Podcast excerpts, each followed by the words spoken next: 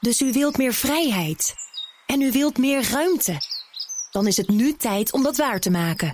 Gelderse Woningbouw geeft ruimte. Gelderse Woningbouw bouwt woningen van hout. Meer weten? Ga naar geldersewoningbouw.nl. BNR Big Five van de blockchain is mede mogelijk gemaakt door Blockchain Investments Co. Blockchain Investments Co. Uw vertrouwde partner voor crypto-investeringen. BNR Nieuwsradio. The Big Five. Art Rojakkers. Goedemorgen. Fijn dat je luistert naar BNR's Big Five. Blockchain. Het zou de meest veelbelovende uitvinding zijn sinds het internet. De technologie zou het einde betekenen van allerlei bureaucratische processen en ons leven ontzettend veel makkelijker maken. Maar hoe radicaal gaat die technologie ons leven nou echt veranderen? Dat hoor je deze week in BNR's Big Five van de blockchain. Met vandaag de gast Robert Reinder Nederhoed, de oprichter van Bit My Money. Goedemorgen. Een platform waar je bitcoins kan kopen en verkopen. Klopt helemaal. Ja. We beginnen met drie stellingen. Mag je met eens of oneens op antwoorden? Nuanceren kan later. Er komt een dag dat we overal ter wereld bitcoin gebruiken als betaalmiddel. Ja. Met een lichte twijfel. De Nederlandse bank helpt het klimaat voor cryptobedrijven om zeep. Oh, uh, ja. Oeh, je hebt wel een goede band met ze volgens mij nog, hè? oh. En de derde, cryptovaluten zijn uitermate geschikt voor witwaspraktijken. Nee, dat vind ik onzin. Oké. Um, Bitcoin is de eerste decentrale digitale munt die we gebruiken, die gebruik maakt van de blockchain. We komen op die stellingen terug, uiteraard. Dus we moeten het hebben over Bitcoin deze week, want het heeft te maken met blockchain en ook die andere cryptovaluta. En, maar laten we eens inzoomen even op Bitcoin. Twaalf jaar geleden alweer in het leven geroepen door de mysterieuze Satoshi Nakamoto. Er gaan allerlei verhalen over. Mensen hebben waarschijnlijk wel iets van gehoord. Is het nou een man? Is het een vrouw? Is het een groep? Waar is hij of zij gebleven? Het is in nevelen, flarden gehuld. Wat is het verhaal, denk jij? Ja, dat is, het is ook wel heel, mooi dat Satoshi Nakamoto dus niemand weet. Althans, iemand moet natuurlijk weten wie het was. Um, maar dus, daardoor is Bitcoin ook de enige munt waarbij er niet iemand aan te wijzen is die daar een soort van iets over te zeggen heeft of heeft gehad. Het leidt nog steeds tot heel veel uh, rumoer. Er is ook een splitsing van Bitcoin geweest. Is een andere munt geworden, omdat iemand zei dat hij de echte Bitcoin was, de echte Satoshi was, zeg maar. En uh, ja, ik, ik, ik, ik heb zelf een soort van eh, agnostische houding. Dus dat ik zeg van, het maakt eigenlijk niet uit wie het was. Ja? Want hij heeft geen controle meer over. De geest is uit de fles. En uh, het zou misschien bijna vervelend zijn als er straks echt iemand komt die dan aan te wijzen is als een soort van Jeff Bezos bij Amazon of zo. Van oh, dat is hem. Terwijl hij heeft die rol niet meer. Het is, hij heeft geen controle over. Nee, het is, het is natuurlijk wonderlijk en, uh, dat er een miljarden business is inmiddels, Bitcoin. Ja. En we geen idee hebben door wie of wat het bedacht is. Ja, dat is wel bijzonder. En het is ook, er staan ook een miljoen Bitcoins uh, op adressen waarvan wordt gedacht dat, het, dat ze van hem zijn. En ja, oké, ik heb een klein beetje een filosofie. Ik, ik, denk eigenlijk dat hij niet meer leeft. Dat is uh, omdat ik denk dat er zoveel is gebeurd dat hij momenten had om, om iets te kunnen laten horen. Hè. Toen iemand zei dat hij Satoshi was, bijvoorbeeld, had hij kunnen laten horen van, nou, dit is onzin. Dat, dat is allemaal niet gebeurd. Dus mm -hmm. ik denk eigenlijk dat, ja, dat hij ter ziele is in die twaalf jaar. Uh, ja, nou, er is nog een soort af, afscheidsbericht ooit geweest van de Bitcoin is in goede handen. Ja. Ik, I move on to other things. Ja. En dat was het dan. Daarna werd ja. het stil. Ja. En die miljoen bitcoins dan, die, dat is ongeveer 5% van het totaal aantal bitcoins dat er uh, in de omloop is, begreep ik. Ja, dat klopt. Ja, dat wordt soms aangevoerd als argument waarom bitcoin dan weer gevaarlijk is. Ja, maar, precies, want dat, als dat verkocht wordt, stort de hele markt in. Ja, maar waarom zou het verkocht worden? Nou ja, misschien omdat het één groot Ja. plan is. Een soort masterplan van iemand die slim genoeg was om Ja. bitcoin te bedenken. Dus ook slim genoeg om dan straks Ja. heel veel geld te verdienen in één keer. Ja, dat, dat zou die wel heel slim gespeeld hebben dan. Wel, ook wel knap dat je zo lang eh, je in kan houden. Er is trouwens ook een theorie dat de CIA erachter zou zitten, bijvoorbeeld. Oh, wat, zou, wat is dat verhaal? Nou, dat ze dan eh, eigenlijk een eh, concurrent van de door introduceren. En ja, dat is natuurlijk een, een conspiracy verhaal. Hè? Uh-huh. Maar dat zou natuurlijk ook nog kunnen dat er eigenlijk de geheime dienst achter zit. Die, die, die zo slim is geweest om dit te introduceren in de wereld. Ja, ja. En om, met welk doel? Ook om geld te verdienen. Nou, je zou kunnen zeggen, toen het, toen het begon was het ook nog transparant. Dus je kan alle transacties inzien. Dus je hebt ook een soort spionage-invalshoek. Hè, dus, dus dat witwassen, daar is het dus niet zo geschikt voor. Maar je zou natuurlijk wel kunnen kijken van... eh, eh, als we dit interesseren, dat we mag krijgen. Je kan nog denken dat hij daarna helemaal uh, los is gegaan... dat ze de controle kwijt zijn geraakt. Of ja, ja. Maar ik geloof dat zelf allemaal niet. Maar als je die verhalen, denk je, bij aan de, de hype rondom blockchain? En rondom bitcoin, excuus? Nee, ik denk het niet. Ik denk wel dat het um, een stukje mysterie is, of mystiek, zeg maar, die eromheen hangt. Maar ja, het is niet iets waar wij dagelijks mee bezig zijn. Het is meer dat mensen toch willen vragen van... oké, wie is nou die briljante uitvinder? Ja, dat, dat weet dus niemand. Ja, oh, we weten niet eens of de persoon is. Het kan natuurlijk ook een groep zijn. Het kan, het kan van alles zijn. Ja, klopt. Het is ook heel waarschijnlijk dat het geen Japanner was... ondanks dat het een Japanse naam oh. was. Meer een pseudoniem. En uh, het is wel heel mooi. Ik bedoel, hij heeft, of hij of zij heeft dus iets bedacht, uitgevonden... gegeven aan de wereld en nu kunnen wij daar verder mee. Ja, ja. En dan maar hopen dat het inderdaad niet zo is dat straks in één keer die miljoen bitcoins dan zo op de markt komen. Want dan gaat Bit My Money dan. Ja, dat zal wel meevallen. Maar als het gaat gebeuren, er zijn wel mensen die dat echt in de gaten houden. Dus als, als dat geld gaat bewegen, dan gaan er zeg maar weer signalen af. En dat zou groot nieuws zijn natuurlijk. Mm, mm. Nou goed, dat, dat, dat is over Satoshi Nakamoto. Als we het over blockchain hebben, want we hebben het nu meteen over de persoon achter Bitcoin. Maar Bitcoin was eigenlijk nooit ja, zo groot geworden uh, zonder blockchains. Zou je eens kunnen uitleggen wat nou het verband is tussen cryptomunten en blockchain? Ja, dus de uitvinding van Satoshi Nakamoto was die blockchain. En het is een combinatie van een stukje cryptografie, dus uh, het geheime berichten kunnen versleutelen. En het lost een probleem op waarbij je eigenlijk tot nu toe altijd een centrale partij nodig had om een soort van algemene waarheid vast te stellen. Mhm. En dat voorbeeld wat ik dan geef bij geld is dat als jij uh, op je bankrekening geld overmaakt naar iemand anders, dan is er altijd een ING, zeg maar, bijvoorbeeld, die dan kijkt van het geld is nu nog bij Art en nu daarna is het bij Robert. Of andersom. Um, en als je dat wil mogelijk maken zonder die derde partij, dan moet je eigenlijk tot nu toe altijd de ander vertrouwen. Dus ik geef jou iets. En op dat moment uh, kan ik vanuit gaan dat jij er niet mee vandoor gaat. Of nou goed. En wat ze hebben uitgevonden is dat wat hij heeft uitgevonden is eigenlijk als je dat niet één partij maakt, maar als je zeg maar gewoon honderden computers neerzet, die allemaal een kopie van die boekhouding hebben, waardoor uh, eigenlijk de werkelijkheid op honderd plekken vast ligt. En die, die computers uh, praten met elkaar met bepaalde regels. Mhm. Dan kan ik dus geld aan jou sturen. En de boekhouding zegt: het is niet meer bij Robert, het is nu bij Art. En al die anderen zeggen dat ook. En daardoor kan je eigenlijk niet meer vals spelen. Want dan moet je alle honderd computers in dit voorbeeld dan moet je ze alle honderd uh, corrupt maken. Terwijl met een beetje moeite lukt het misschien om één corrupt te maken. Ja, dus op die manier wordt het systeem eigenlijk eerlijker. Ja, en het is dus ook werkbaar op internet, over de hele wereld, voor iedereen. Uh, en dat is ook een stukje eerlijker misschien wat je bedoelt. Van iedereen kan aanhaken. Precies. Ja. ja. En dat, dat zorgt ervoor, die, dat eigenlijk dit basisidee zorgt voor nou ja, een revolutie. Die we deze week bespreken in BNR's Big Five. Die revolutie vindt ook plaats op het gebied van cryptomunten. Als we kijken naar jou, uh, acht jaar geleden begon je Bit My Money. Ja. ja. Platform voor het kopen en verkopen van bitcoins. Als je in die acht jaar nou eens kijkt, wat is er gebeurd? Wat is, waar sta je nu vergeleken met toen? Ik, ik, ik, ik bedacht ineens nog van, ja, dus dit, dit, dit stukje wat ik zei was eigenlijk gewoon de basis. Hè? En van de blockchain. Ik ga daar zo antwoord op geven. Maar je hebt dus heel veel cryptocurrencies. Mhm. En ze beogen allemaal wat anders. Dus Bitcoin was de eerste toepassing. Die deed alleen die boekhouding met een munt. En uh, gisteren was er Molus Pompje en die had bijvoorbeeld over Ethereum. Precies. En die gebruiken diezelfde gedeelde waarheid, maar dan mhm. niet per se om uh, een transactie tussen jou vast te leggen, maar bijvoorbeeld om de staat van een programma of een, of een contract vast te leggen. En uh, um, nou, dat is zeg maar eventjes wat de basis van waar we het deze week over hebben. Ja, ja. en dus, dus is de vraag dan... want er is dus een hele wereld opgebouwd op dat principe. Ja. En die wereld die bestaat uit allerlei elementen. Eén klein element daarvan is Bit My Money. De platform dat, je, dat je begonnen bent. Acht jaar geleden zijn jullie het begonnen. Uh, was dat toen pionieren en is het nu een gevestigde markt? Hoe moet ik het zien? Ja, dat, dat is helemaal goed verwoord.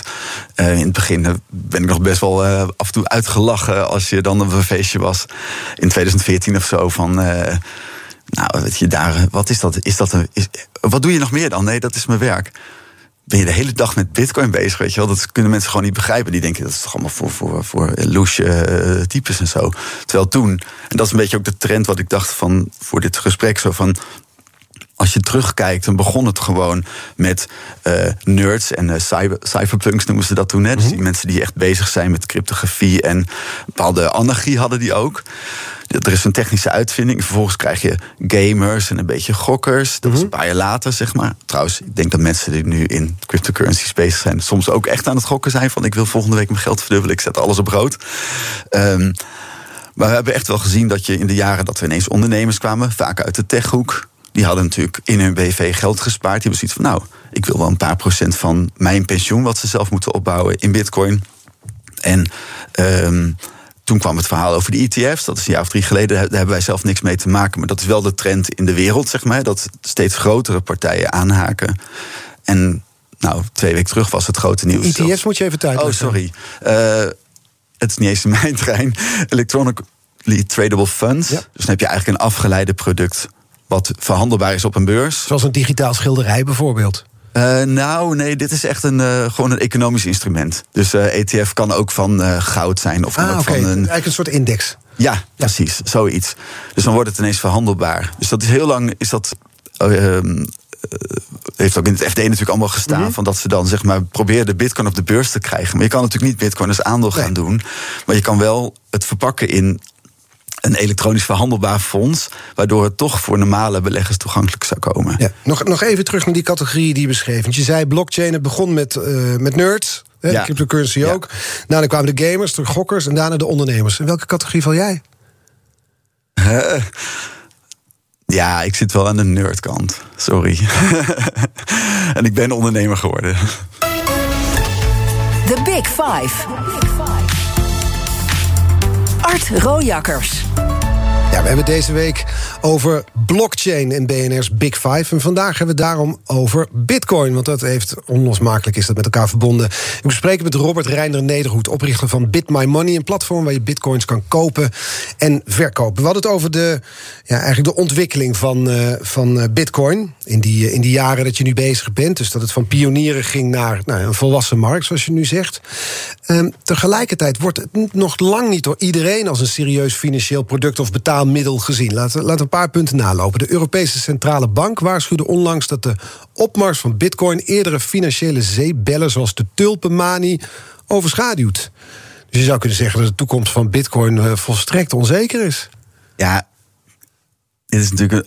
Elk jaar komt er iemand kruipt onder een steen vandaan om dit argument aan te halen. Europese Centrale Bank, dit, hè? Ja, nou ja, kijk, dat is op zich. Ik had bij mijn aantekeningen ook staan. Mensen denken altijd van: oh, Bitcoin, nu moeten de banken bank zijn. Maar Bitcoin bedreigt niet de banken. Bitcoin bedreigt de centrale banken. Mm -hmm. Omdat het beoogt de, een zuiver geld te zijn. Waarbij de regels van tevoren vast liggen, waarbij iedereen mee kan doen.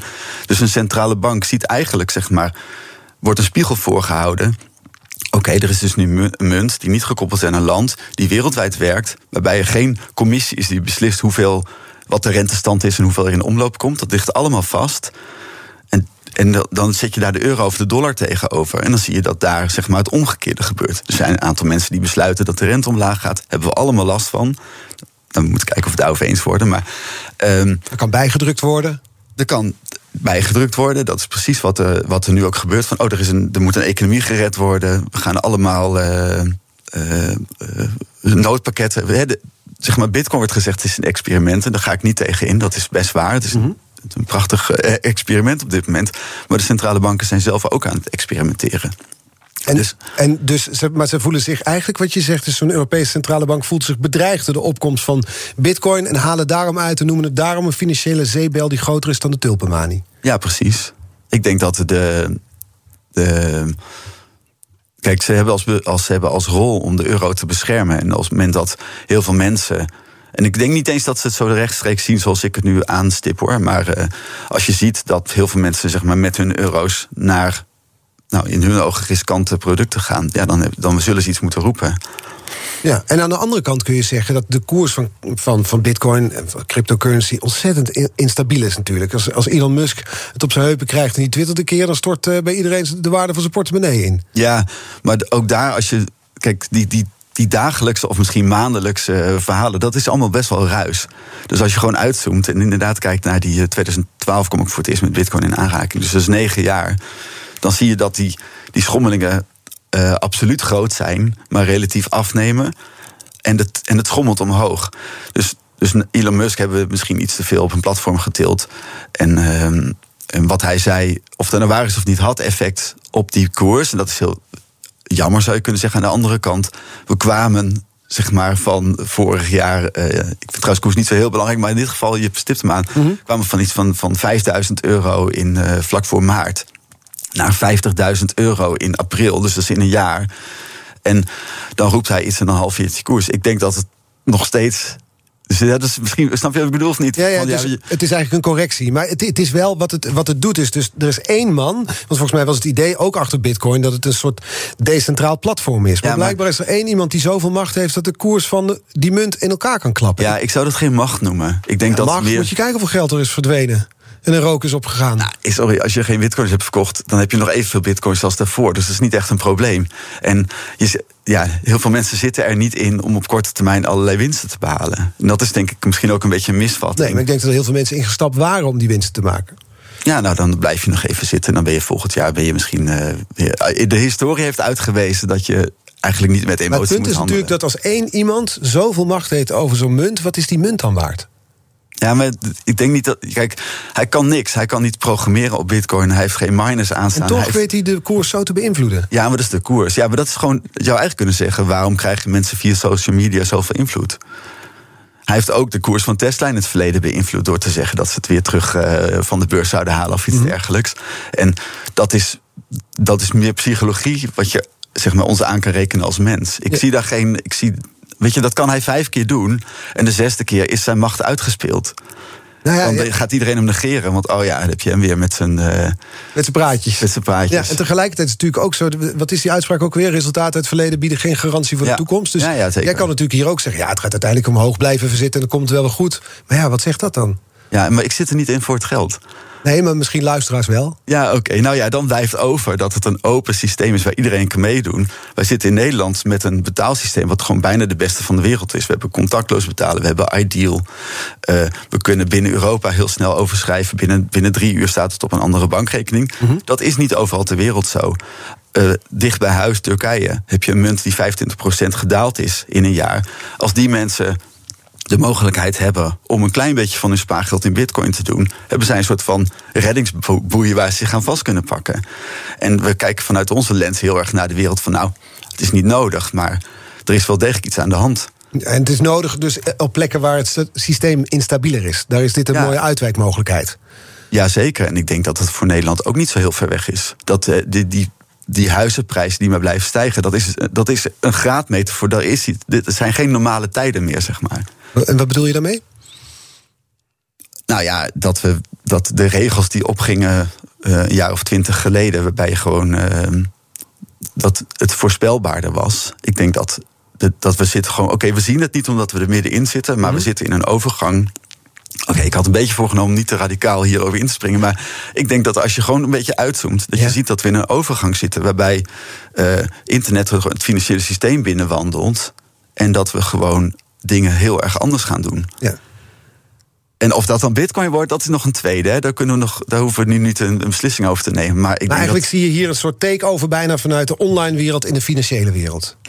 Uh, ja, en ik zie dat de, de, het kapitalisme of uh, de markten zoals we die kennen met een, een centrale bank, dat die altijd voor groei hebben gekozen. En dat we nu eigenlijk in een soort squeeze zitten waarbij het klimaat zegt van ja, of nou ja, kan gewoon zelf zeggen, de wereld is eindig, dus we kunnen niet blijven groeien. Alle landen proberen te groeien. Ze concurreren met die munten met elkaar. En we zitten nu best wel in een benarde positie. Um, uh, dat, dat is volgens mij waar we in zitten. En dan komt daar iets bij wat een, het eerste alternatief is. Waarbij je wereldwijd zonder landafhankelijk te zijn een munt hebt die al die nadelen dan niet heeft. Ja, en voor alle duidelijkheid, we hebben het nu dan over bitcoin... maar er zijn volgens mij inmiddels 52.000 cryptovaluta's in omloop. Dat is dus dat andere systeem, zoals jij het schetst... was alleen mogelijk dankzij blockchain. Ja, nou, het, het is ook nog een nuance, want... Um, zeg maar, je hebt blockchains en je hebt tokens. En er zijn echt niet 52.000 blockchains. Maar je hebt vaak, zoals Ethereum bijvoorbeeld, dat ze er allerlei... Crypto, crypto-munten bedoel je? Ja, of is het, want nu, nu wordt het ingewikkeld. Ja, nu nou, moet je me even gaan helpen. Nee, je, um, je kan zeg maar 52.000 roepen en denk je, oh, er zijn zoveel. Maar dat zijn uiteindelijk van enige betekenis zijn er misschien een paar honderd blockchains. En verder hebben allemaal mensen hebben zeg maar die tokens. Dus dan geef je eigenlijk een eigen niet echt een munt, maar je geeft hem een token uit, dus een soort van aandeel op zo'n andere blockchain. En die kan je dan met diezelfde regels onderling uitwisselen. Ja, maar dus daar zijn er heel veel van. Ja, maar nou even voor de formulering, want je hebt het over die het zijn blockchains. Dan bedoel je dus de munten, die noem jij blockchain. Want anders dan hebben we het nu over drie nou verschillende dingen, ben ik bang.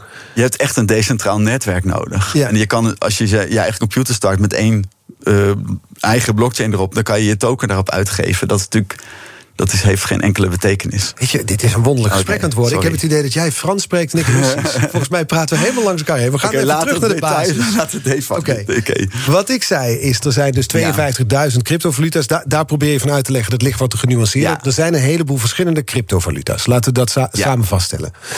En die zijn dus een alternatief voor het systeem, het financiële systeem, waarvan jij zegt dat dat zit in een squeeze. Is dat alleen mogelijk dankzij de techniek van blockchain, waar we het deze week over hebben in BNR's Big Five.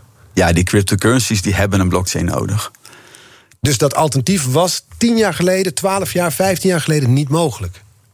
Het is zo nieuw, is het? Ja, dat klopt. En het is alleen wel zo dat, dat niet alle munten. Dus het, het probleem wat ik dan schets, wat ik zie in de economie. Um, dat wordt niet door alle munten opgelost. Want heel veel munten geven gewoon wel uh, blijven gewoon wel geld uit of bijdrukken in de blockchain. Zeg maar. Dat kan natuurlijk. Hè. Je kan andere regels hebben. Ja, maar Bitcoin is eindig, maar bij andere munten kun je eigenlijk bijdrukken, zeg maar zeggen. Zo, zo, noem je het niet, maar dat, wat de centrale banken ook doen. Ja.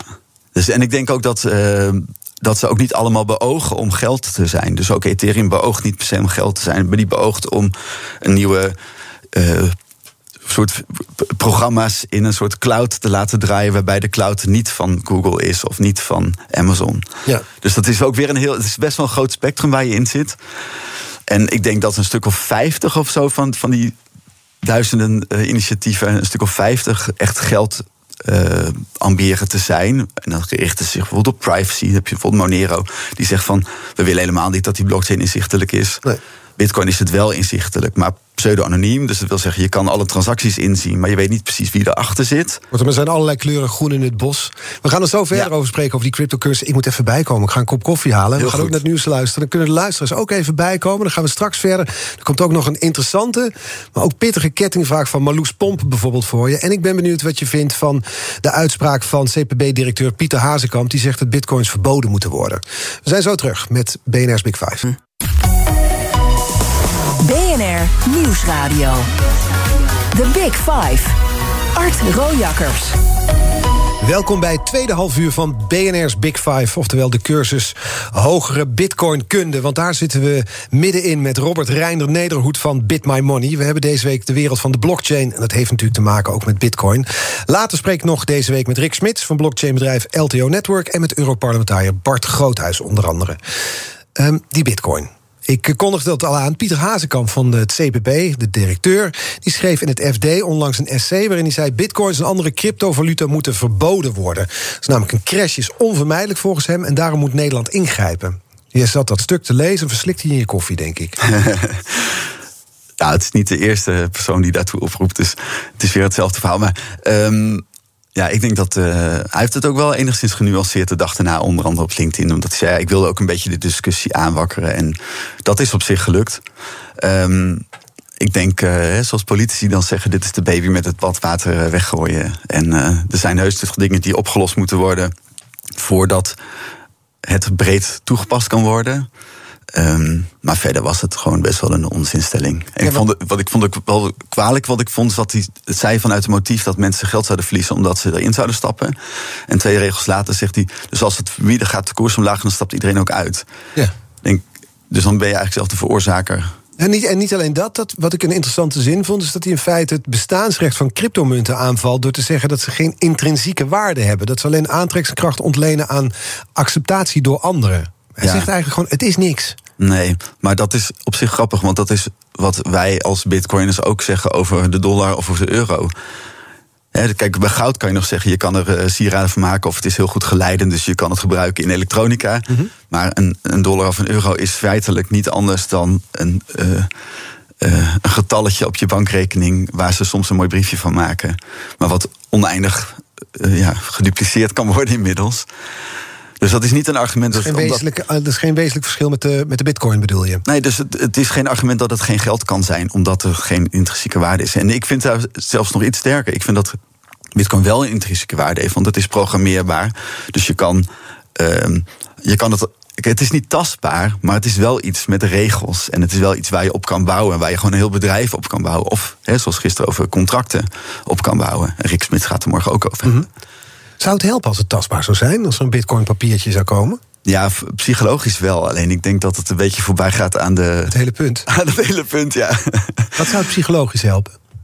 Nou, je ziet ook, dat stoort me ook altijd enorm, dat bij alle artikelen staat altijd zo'n soort van goudkleurig muntje afgebeeld. Dan denk ik, ja, is dat dan is dat hoe ver we komen? Kijk, we zitten in een, in een tijd waarbij gewoon de hele digitale werelden zijn. Waarbij gamers al 15 jaar lang eh, online in virtuele werelden leven.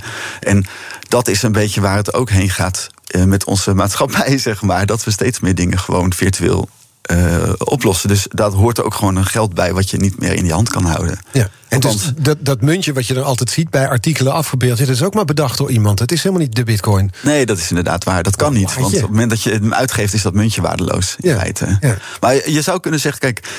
Ik, ik, ik, ervaar het wel als tastbaar. Als ik een app open, dan staat daar een getal. En die, die, die app heb ik in mijn hand. En ik heb vertrouwen dat wat in die app zit alleen van mij is ja, dat, is, dat vind ik genoeg. Maar dat, ik weet niet of andere mensen daaraan kunnen wennen. Nee. Jij zei over uh, de, de oprichter van Bitcoin. Ik kijk er wat agnostisch naar. Ja. Um, tegelijkertijd, als ik zo'n half uur met je aan het praten ben, krijg ik ook het gevoel: ik sta hier tegenover een Bitcoin-gelovige. Ja, dat klopt wel. Ja. Kun je dan objectief oordelen over de waarde van zo'n munt? Nou, kijk, ik ben niet een gelovige in de waarde. Ik ben een gelovige omdat ik echt denk dat we, zeg maar, een, een, in het slow motion afgespeelde soort van ommezwaai aan het meemaken mhm. zijn. En. Uh, die ommezwaai wat we over, eerder over hadden, ons financiële systeem. Ja, ik denk dat, dat die digitalisering is enorm ver uh, doorgeslagen al op allerlei vlakken. Um, en nu zijn gewoon de financiële stromen aan de beurt. En als ik het soms uitleg, zeg ik ook ja. Als je dan een hotel boekt bijvoorbeeld, of je neemt een dienst ergens af, dan wordt eerst de dienst geleverd. En dan heb je nog een apart logistiek proces voor het financiële gedeelte daarvan. En dat is helemaal niet erg. Maar er zijn nu ook heel veel diensten die je gewoon wel wil kunnen gebruiken. We hadden net over in de pauze over het opladen van auto's. Het is helemaal niet raar om te. Om, te, om dat je zeg maar nu He, dat is een heel mooi voorbeeld. Stop je zo'n stekker in dat ding, dan haal je een pasje erlangs. Precies. En dan wordt er dus een soort van transactie soort van gestart. En als je je stekker eruit trekt, dan wordt het afgerekend. Uh, hoe ver is de gedachte dat je gewoon de stekker erin stopt? Dat de paal weet dat je auto dat is. En dat gewoon die transactie op het moment voor elke kilojoule die er over gaat, gewoon een paar satoshis eh, of een paar cent in euro's over de lijn gaat. En je trekt hem uit en je rijdt weg. Nou, dat idee, als je dat gewoon iets breder gaat uh, inzien, uh, dan. dus ik had ook opgeschreven, Adyen bijvoorbeeld, is een miljardenbedrijf. Als je gaat kijken wat is de intrinsieke waarde van Adyen, mm ja, dat is zij dat ze een betaalnetwerk zijn. En in feite bedreigt uh, dus deze nieuwe ontwikkeling in die blockchain-hoek... bedreigt ook bedrijven die dat soort diensten leveren. Bedrijft zo'n bedrijf, bedreigt zo'n bedrijf als Adyen? Ja, dat denk ik wel. Want dat betekent als op het moment dat mensen aanhaken... dus als een winkelier of een hotel inplucht in dat bitcoin-netwerk... Ik vind, ik vind trouwens de voorbeelden, dus weer dat fysieke wereld. De voorbeelden komen vaak uit de fysieke wereld. Maar als ik het zelf gebruik, dan is het vaak voor online diensten. Mm dus ik registreer een domein in de Verenigde Staten. Of ik neem een soort van sms tegoed. Of uh, dat is voor online uh, voor, nou ja, uh, notificaties voor mhm. service of iets dergelijks. Dan maakt het niet uit waar die andere partij zit. Nou, dan betaal ik dus zeg maar 40 euro met bitcoin aan ja. die andere partij. Maar eigenlijk zeg je dus, want wat, wat jij zegt is dat blockchain kan helpen in het bestrijden van, ik zal maar zeggen, extreme vormen van kapitalisme. Of van dat wat wij als kapitalistisch systeem beschouwen. Ja, ik denk dat. Ja, dus ik ga je op de grote lijn inderdaad. Dus waar we nu in zitten, is dat we een, uh, een, een, trend zien dat er heel veel geld in omloop komt. Dat komt ten eerste bij mensen die al veel spullen bezitten. Want de, de huizen worden meer waard. Heb je het geluk gehad dat je tien jaar geleden of eerder een huis kocht? Dan ben je nu uh, super blij, zeg maar. Als je nu op de markt probeert een huis te kopen, ben je dat niet. Dat gaat Bitcoin niet meteen oplossen. Ik bedoel, het is niet zo van, oh, dat, dat zou kunnen als hij veel meer waard wordt. Maar het gaat niet om die waarde. Het gaat mhm. erom dat uh, de macht om geld bij te drukken verdwijnt op het moment dat je met z'n allen iets anders omarmt. Ja, En, en dat iedereen dus mee kan doen, ook aan de andere kant van de wereld waar je geen bankrekening hebt. Maar de, de, nog even inzoomen op wat je zegt. De macht om geld bij te drukken verdwijnt. Dat snap ik. Daarom zijn die centrale banken dus kijken met argusogen naar bijvoorbeeld bitcoin. Maar wat heeft dat met de huizenmarkt te maken? Nou, uh, uh, er wordt heel gesproken over inflatie. En dat is een beetje gevaarlijk, dat is niet helemaal mijn terrein. Maar ik heb er wel een mening over. Uh, de Europese Centrale Bank heeft een soort inflatiedoelstelling van 2%. Mm En zolang die niet gehaald wordt, kunnen ze eigenlijk die rentes verlagen om de economie te stimuleren, zodat die inflatie wel komt. Nou, inflatie is een super kneedbaar iets, want je kan zelf, zeg maar, als uh, bank kan je kiezen wat je inflatie noemt of wat mhm. je meeneemt. En dan zien wij vervolgens dat de afgelopen tien jaar of al langer dat die inflatie niet nog, eh, tot nu toe in ieder geval niet heel erg in de consumentenmarkt terugkwam, dus in de supermarkt en dergelijke. Maar wel dat de huizenprijzen en de aandelenmarkt en dergelijke. Nou, uh, maar dit hele concept, dat slaat eigenlijk nergens op. Dus het hele concept van inflatie bedoel je? Of het hele concept ja, dat, dat sturen op inflatie en uh, het proberen economie te redden. Dat is allemaal gewoon oké. Dat is hoe wij zeg maar, de afgelopen 50 jaar gewerkt hebben. Geconditioneerd zijn. Ja, dus dat zijn de wetten zeg maar, die we dachten dat er waren. En die wetten worden nu herschreven dankzij die, die, dan, dankzij die revolutie waarin we zitten met bitcoin en met blockchain. Ik denk het wel. Ik denk dat het onvermijdelijk is dat dit anders moet. Omdat uh, we kunnen niet 15% per jaar huizen laten eh, blijven stijgen. En dat, dat is wel de lijn waar we op zitten. Ja. En maar ik heb altijd geleerd een economieles eh, op de middelbare school. En later, ik heb een hele korte periode bedrijfskunde gehad. Economie is groei.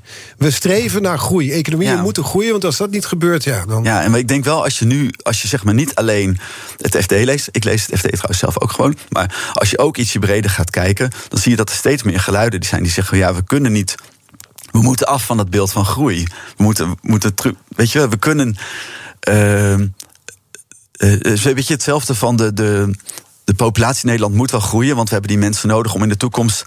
Maar dat is een omgekeerde gedachte. Als je, aan de andere kant kun je ook zeggen: oké, we zijn met zoveel mensen, we consumeren zoveel. Dus eigenlijk, als we dit houdbaar willen doen, moeten we eigenlijk niet groeien. Nee, nee. En dat, volgens mij zit je in die spagaat. Hm. Vandaar ook dat je zei, want een van de stellingen in het begin was... er komt een dag dat we overal ter wereld bitcoin kunnen gebruiken als betaalmiddel. Zei je volmondig ja op. Dat, nee, dat twijfelde ik een beetje. En dat is, um, ik denk dat bitcoin in eerste instantie... Uh, probeert de beste store value te zijn. Mm -hmm. En je kan er ook mee betalen. Ja. Zeg maar, hè, dat is een beetje. En ik zie ook allerlei oplossingen. Dus dat je bijvoorbeeld. Die, die transacties zijn nu vrij duur. Maar er is al lang een tweede laag. Er is een ander netwerk bijgekomen waar je wel bitcoin kan uitwisselen. Maar niet die hoge kosten hebt. Um, maar dat hoef je niet per se te gebruiken. Maar wat het echt moet zijn, is dat digitale goud. Want dan heb je een plek waar je kan zeggen: oké, ik stop mijn spaargeld voor een gedeelte in bitcoin. En dan heb ik geen last van die inflatie. Dus, dus dat was mijn aarzeling eigenlijk. Ja, ik begrijp het. Er komt een kettingvraag aan. Ik zou zeggen, doe je, je, je um, even vast. Want hij is best pittig. Hij is van Marloes Pomp, onze blockchain-expert... die gisteren hier te gast was. En zij had een vraag over bitcoin. Luister maar even mee.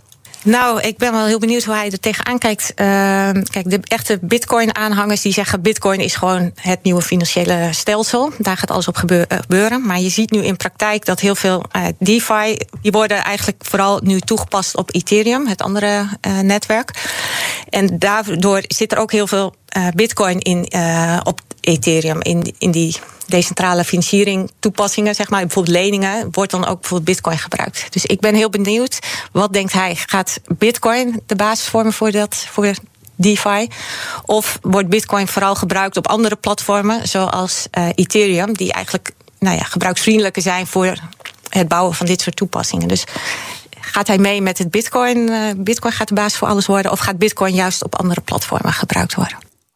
Oké, okay, nou. laat ik eerst de vraag even interpreteren. Yeah. De DeFi, dat wil zeggen Decentralized Finance. Mm -hmm. uh, Ethereum, dat is een, ook een blockchain. En die is wat minder gericht op het digitale goud, maar meer op de innovatie met bijvoorbeeld contracten voor verzekeringen of contracten voor leningen. Of je kan zelfs een heel erg eerlijk piramidespel in Ethereum contract stoppen. Um, en waar ze ook op doelde is dat Bitcoin vastzit in Ethereum contracten. Wat dat betekent is dat je kan dus die meerdere blockchains kunnen ook onderling samenwerken. Dat mhm. is natuurlijk weer een stukje innovatie. Je kan dus uh, Bitcoin als onderpand gebruiken in een contract, een verzekeringscontract of iets dergelijks, of voor een lening op Ethereum. En om haar vraag dan te beantwoorden. Um, het gaat zo zijn dat in de toekomst, dat, daar wordt aan gewerkt dat, dat de contracten die op Ethereum draaien dat je die ook op Bitcoin kan draaien. Ik denk niet dat dat per se hoeft. Uh, als, Bit, als Ethereum heel erg geschikt is om contracten op te, te, lanceren, dan zou ik niet inzien waarom ze dat niet zouden doen. Ik denk wel dat weer die store of value, dus die onderliggende waarde, dat Bitcoin daar straks heel erg goed geschikt voor omdat blijft. Omdat het eindige hoeveelheid is. Ja, omdat dat eigenlijk het grootste doel van Bitcoin is om gewoon een betrouwbare, ja, dat digitale goud te zijn. En Mhm. als jij contracten kan schrijven in Ethereum of een andere blockchain met een andere taal, en je kan daar digitale goud invoegen. Dus het is een beetje, eh, dan helpt het zelfs om Bitcoin te schalen, zeg maar. BNR Nieuwsradio. The Big Five. Ja, de Big Five hebben we deze week over blockchain. En vandaag hebben we het dus over bitcoin met Robert Reinder Nederhoed, oprichter van Bit My Money. Een platform waar je bitcoins kan kopen en verkopen. Een andere stelling in het begin was: de Nederlandse bank helpt het klimaat voor cryptobedrijven om zeep. Dat was een lastige, maar je zei ja. Ja, uiteindelijk is het een uitvoerende organisatie. En uh, zit daar een minister Hoekstra achter die bepaalde, of in ieder geval ministerie van Financiën, die bepaalde uh, richting aangeeft daarin, de wetgeving.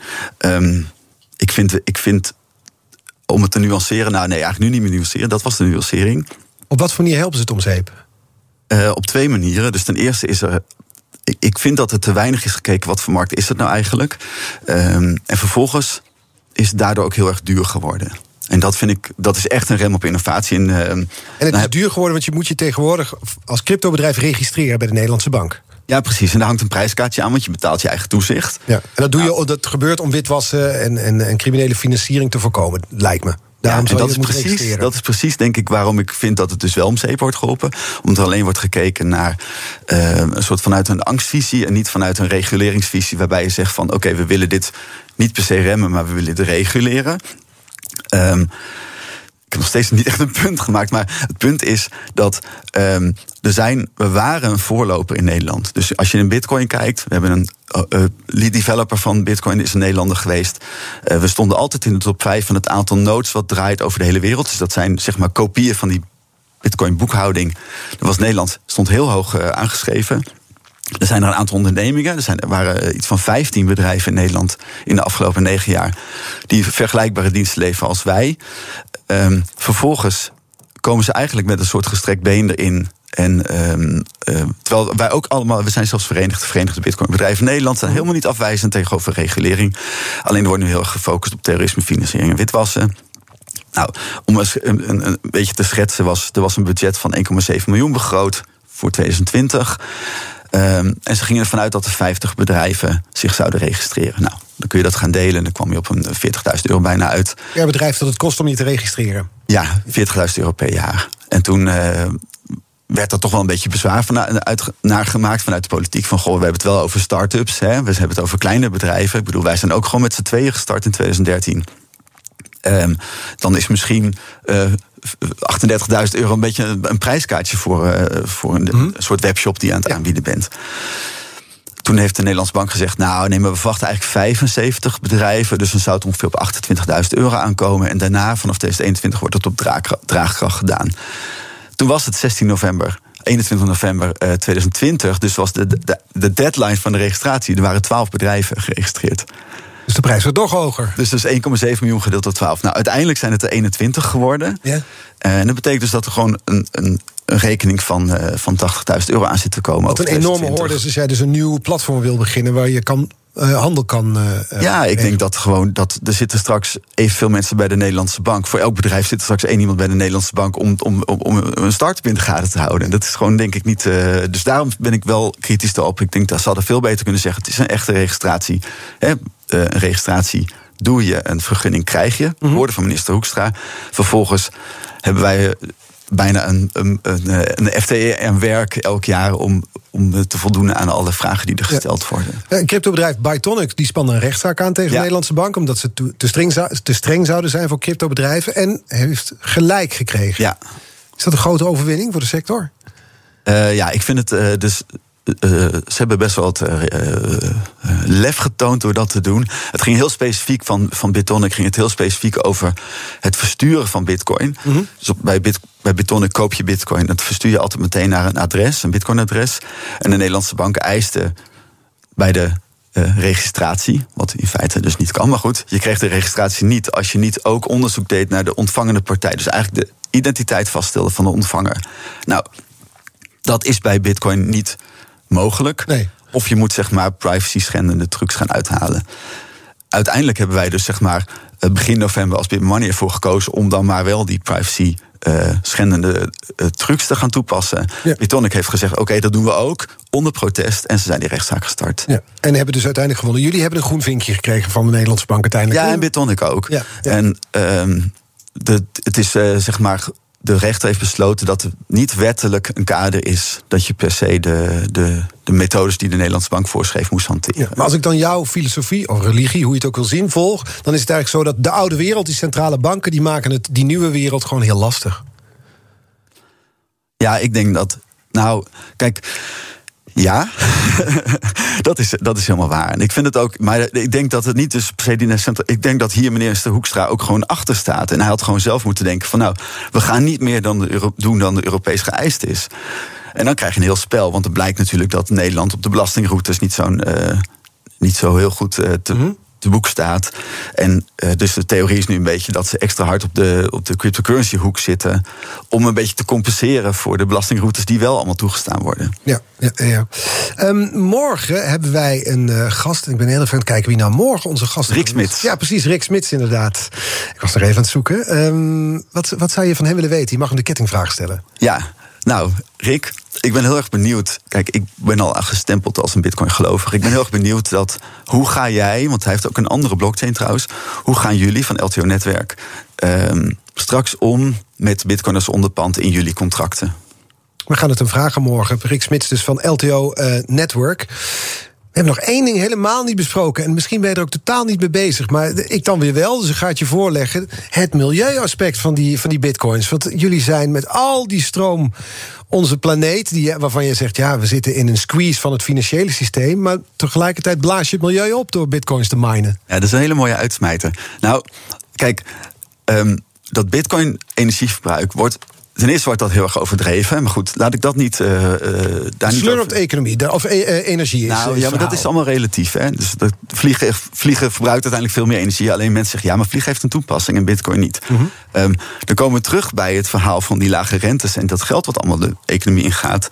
Dus mijn stelling is juist andersom. Doordat er zoveel geld bij wordt gedrukt of in de omloop komt door lage rentes, wordt er heel erg veel geconsumeerd. En zijn wij dus als maatschappij veel meer aan het vervuilen waarbij we zowel de schuld op onze volgende generatie afschuiven, het moet terugbetaald worden, als het klimaataspect. En dan kom ik dus weer terug op dat op het moment dat je dus bij Bitcoin, waar het veel lastiger is om te gaan lenen, waar je wel even nadenkt voordat je je geld aan onzin uh, verbouwingen of vluchten, vluchtjes naar Ibiza uitgeeft, mm -hmm. um, heb je dus in feite minder consumptie, heb je minder vervuiling. Alleen ja, om die munt draaiende te houden, heb je op dit moment wel zo'n netwerk wat je draaiend houdt. Ja, en dat, maar dat is een tijdelijk fenomeen. Nou, nee, dat blijft wel. Alleen ik denk dat dus. Uh, Ook het energieverbruik, dat gaat niet beter worden. Nou, het, het halveert elke vier jaar. Ja. Alleen als de koers stijgt, dan neemt het ook weer iets toe. Dus ja. het is een beetje een, uh, een afweging. Oké, okay. nou, we hadden nog een heleboel kunnen bespreken. Ik vond het een interessant en soms ook ingewikkeld uur. Ik wil je danken voor je uitleg en voor je visie uh, op uh, nou ja, blockchain, bitcoin, ons financiële systeem en wat allemaal voorbij kwam. Robert Reiner Nederhoed van Bit My Money. Ik zeg nog tegen de luisteraar dat onze uitzendingen natuurlijk terug te luisteren zijn. De podcast is te vinden in de app en op onze site. En nu is hier te horen Iman Verrips op BNR Breekt. Tot morgen. BNR Big Five van de blockchain is mede mogelijk gemaakt door Blockchain Investments Co. Blockchain Investments Co. Uw vertrouwde partner voor crypto-investeringen. Dus u wilt meer vrijheid. En u wilt meer ruimte. Dan is het nu tijd om dat waar te maken. Gelderse Woningbouw geeft ruimte. Gelderse Woningbouw bouwt woningen van hout. Meer weten? Ga naar geldersewoningbouw.nl